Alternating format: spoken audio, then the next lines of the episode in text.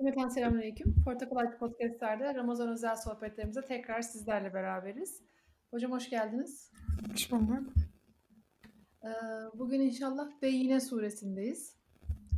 Ee, Beyyine özel kaydımızda grupla yaptığımızda bir buçuk saat sürmüş Evet. o kayıt. Şimdi 20 dakikada nasıl anlatacağız bekliyoruz. Hadi bakalım. Bismillah. Bismillah. Elhamdülillah. Ve salatu ve selamu ala Resulillah. Medine döneminde e, inmiş bir ayet. E, açık bir delil, e, apaçık bir delil demek.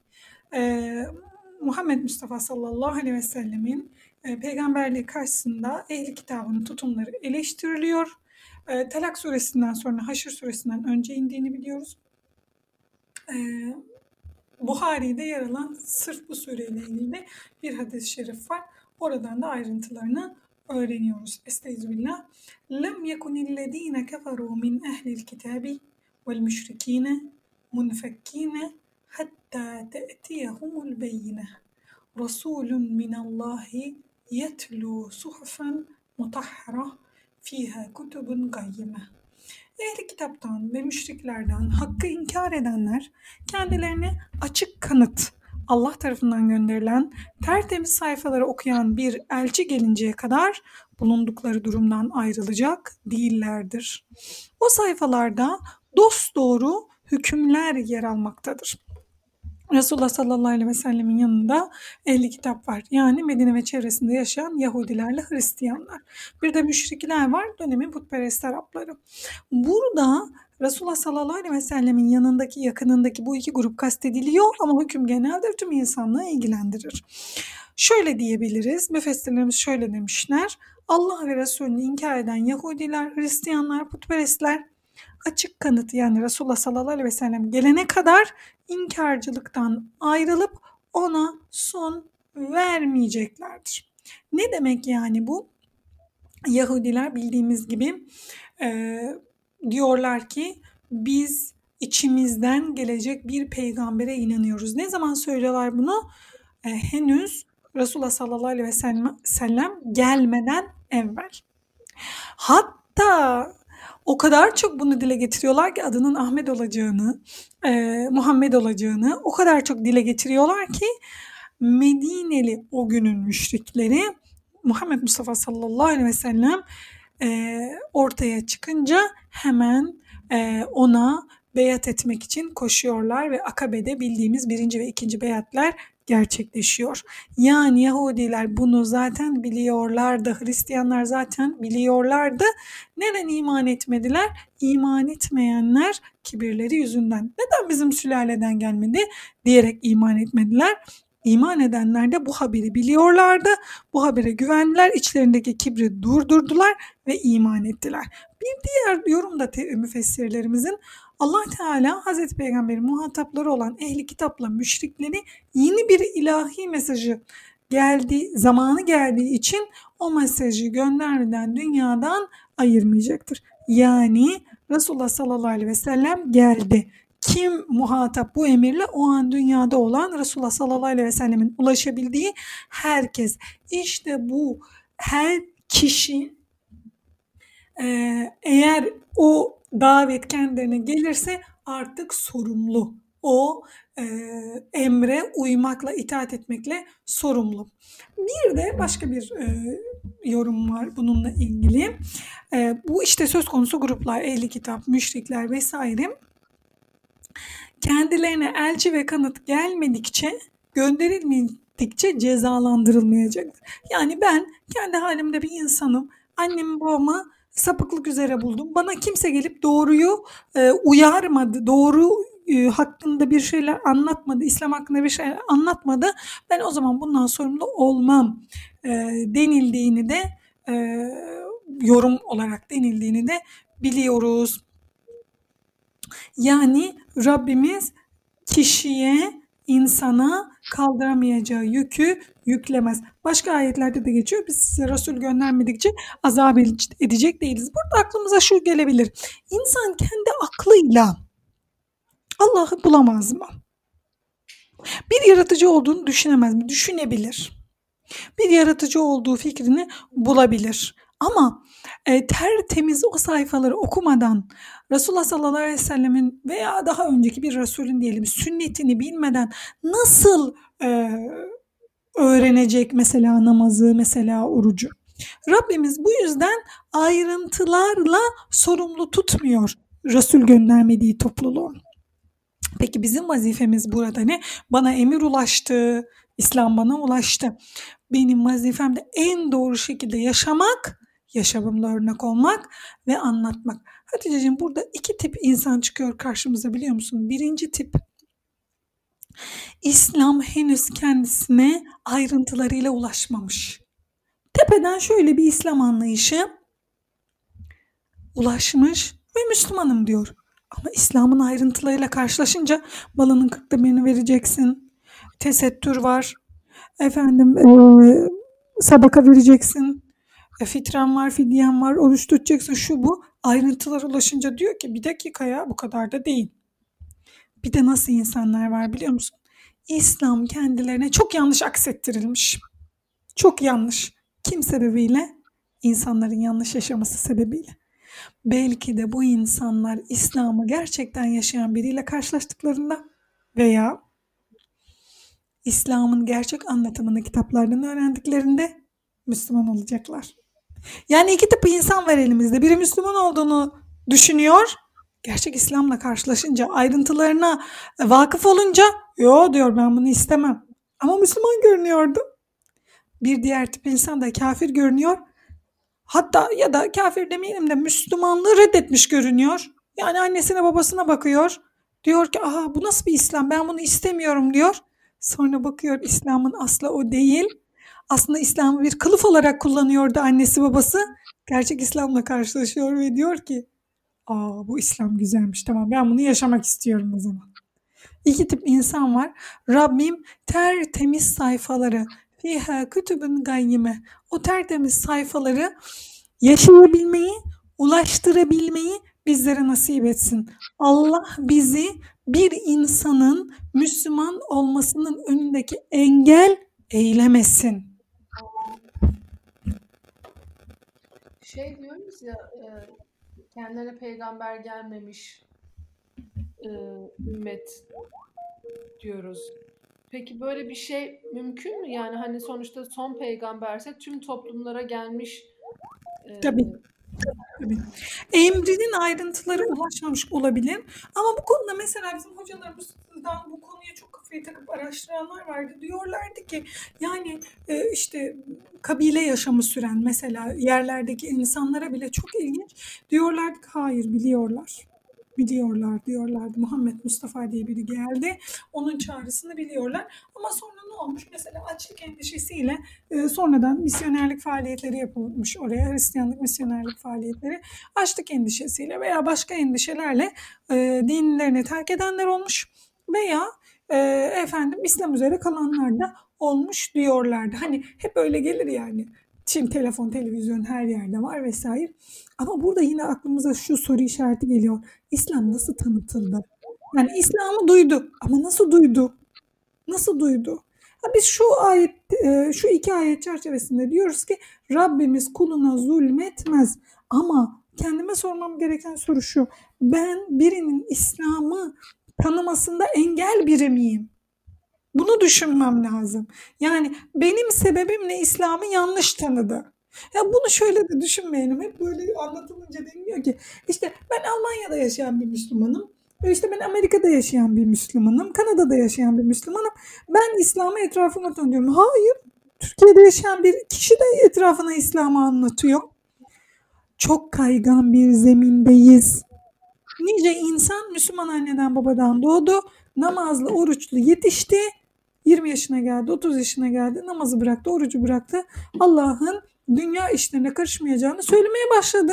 Kaygan bir zemindeyiz. Kimse öyle çok aşırı güven içerisinde olmasın. İmanını tazelemek için çabalasın, uğraşsın inşallah. Eskilerden gelen bir mesel var. Kara gecede bu bir ayet değil, hadis değil. Halk deyişi kara gecede kara taşın üstündeki kara karıncanın ihtiyacını veren Rabbim diye böyle eski hocalar okurlarmış. Ben buna inanıyorum Hatice'ciğim. Ben böyle bir Allah'a inanıyorum. Kara gecede kara taşın üstündeki kara karıncanın dediğini duyan isteğini yerine getiren Rabbim. Ona rızık veren Rabbim. Yani 30. katta oturuyorsunuz evinizin bir yerinden bir karınca çıkıyor. Sen buraya nasıl çıktın? Yani Allah diyor ki oraya git gidiyor. Yani kaç ay yürüdü oraya çıkabilmek için. Çıkıyor, yürüyor, gidiyor.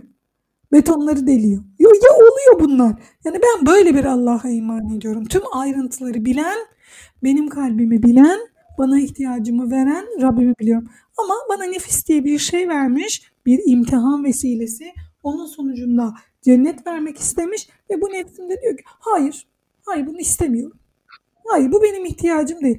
Ya bu adam tam sana göre bir adam, eşin, tam seni toparlayacak biri, onu nasip etti Rabbim. Hayır. Hayır ben onun o huylarının hepsini değişmesini istiyorum. Aynı huylardan dolayı memnuniyet duyduğunu söylemiştin. Şimdi vazgeçtim. Anlık vazgeçişler. Burada parantez açalım. Şunu kastetmiyoruz asla İşte boşanmak e, dinen haramdır. Hayır. Bu ayrı bir şey. İnsanın başına böyle bir imtihanda gelebilir. Estaizu billah. وَمَا تَفَرَّقَ الَّذ۪ينَ اُوتُوا الْكِتَابَ اِلَّا مِنْ بَعْدِ مَا جَاءَتْهُمُ الْبَيِّنَةِ Beyine kelimesi işte geçti. Ee, bu ayetteki açık kanıt beyineden maksat getirdiği mesaj ve mucizelerle apaçık bir hak ve hakikat elçisi olan Resulullah sallallahu aleyhi ve sellem'dir.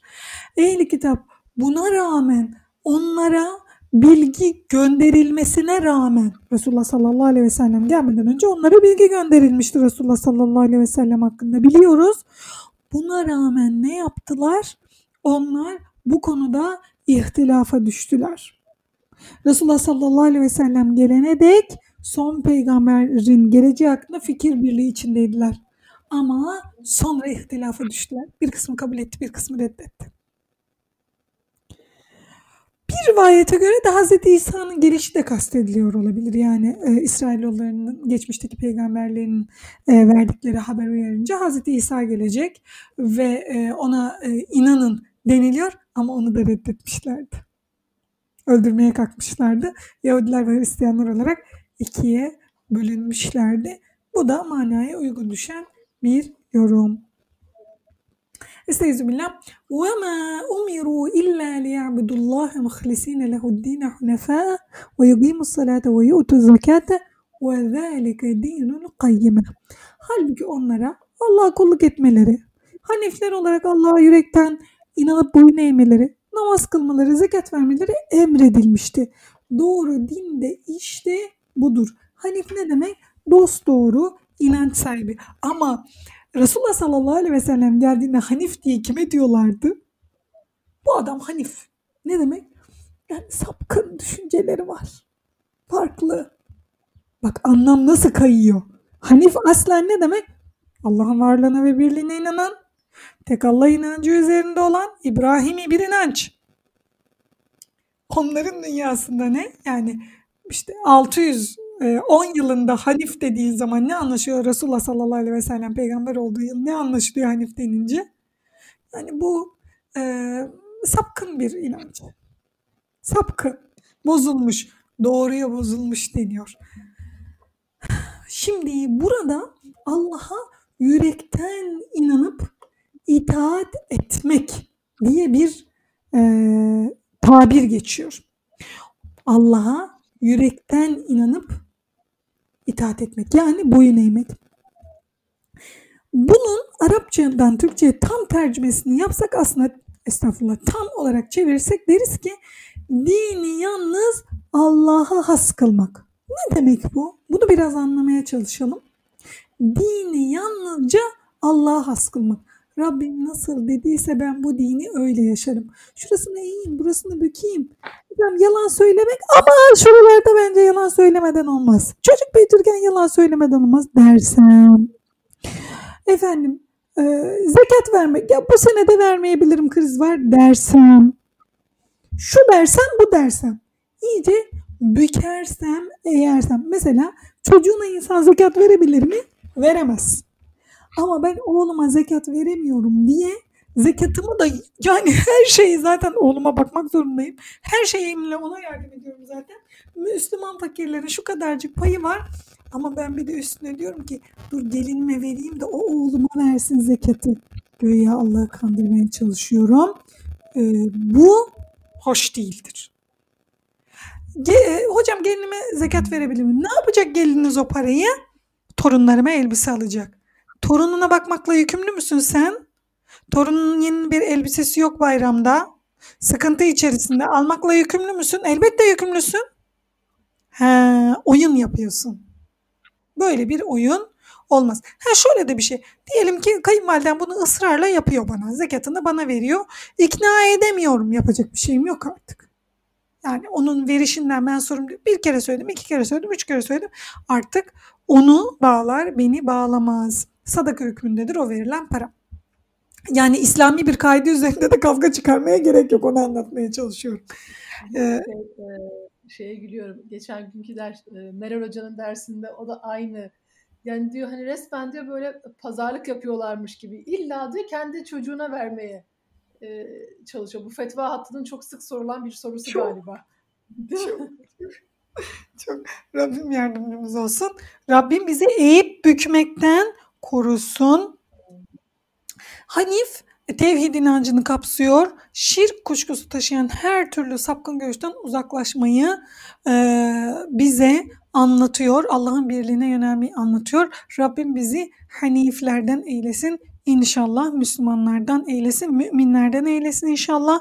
Evet, haniflik var ama hemen sonra ibadet teriminin genel anlamı içerisinde zekat ve namaz bulunuyor ve peş peşe onlarca ayette, yüzü aşkın ayette bulunuyor. Birisi sosyolojik, birisi psikolojik dünyamızı düzenliyor, birisi toplum hayatımızı düzenliyor, birisi de kişisel e, gelişimimizi, şahsi kemalatımızı e, sağlıyor. Rabbim yardımcımız olsun. Rabbim namazı hakkıyla kılanlardan, zekatı hakkıyla verenlerden eylesin. Şimdi baktığımız zaman bir de şöyle görebiliriz zekatla namaza.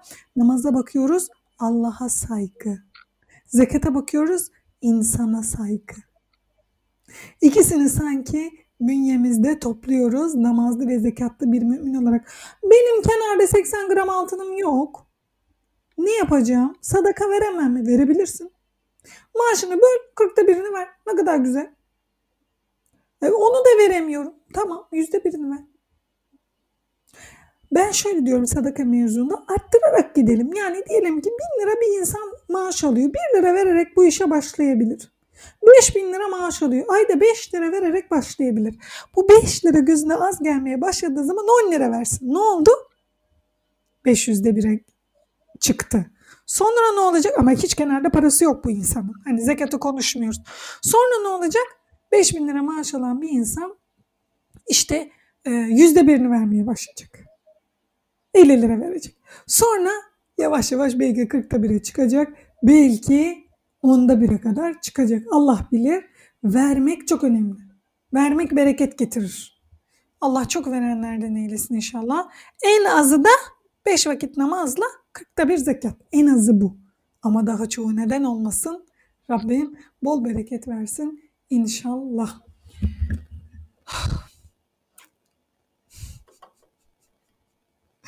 Daha ikide miyiz? Efendim? İkinci ayette miyiz? Yo 5 bitti elhamdülillah. Bunu da bitirelim. Ondan sonra Ee, üzerinden konuşalım tekrar inşallah. İstezbillah. İnnellezine keferu min ehlil kitabi vel müşrikine fi nari cehenneme halidine fiha. Ulaike hum şerrul beriyye. İnnellezine amenu ve amilus salihati. Ulaike hum hayrul beriyye.